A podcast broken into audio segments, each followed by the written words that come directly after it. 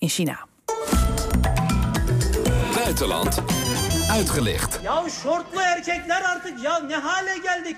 Mübarekler ya siz Osmanlı'nın torunusunuz ama Allah size diyor ki göbek altı ve diz kapağınızı örtmeden sokağa çıkamazsınız.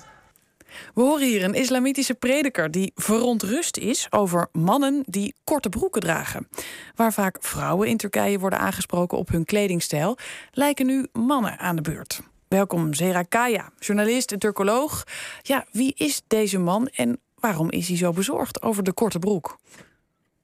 Ja, hallo. Uh, dit is een uh, TikTok-gebruiker genaamd Kenan Hoja. Met zo'n 115.000 volgers. En hij doet deze uitspraken op TikTok. Uh, hij zegt dus dat mannen geen korte broeken mogen dragen. En zich vanaf navel tot hun knieën moeten bedekken. en vrouwen moeten sowieso volledig bedekt zijn.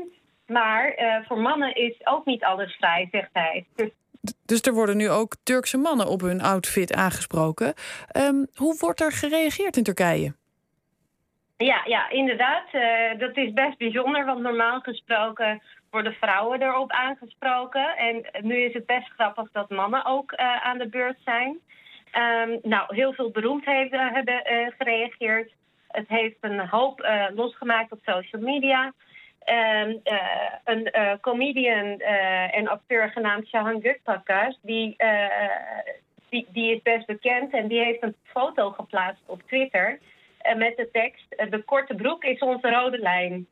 Dat klinkt nog niet alsof de prediker op heel veel bijval kan rekenen. Er wordt lacherig over gedaan op sociale media.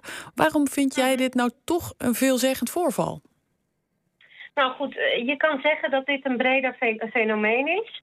Uh, uh, want mannen werden niet eerder aangesproken op hun kledingstijl. En voorheen waren dat alleen maar vrouwen uh, die daarop aangesproken werden. maar het laat wel iets zien van de polarisatie wat toeneemt in het land. en het gaat vooral om seculiere mensen die zien dat hun vrijheden worden ingeperkt. Dankjewel, Zira Kaya. Meer hierover kunt u lezen op nporadio1.nl of in onze app.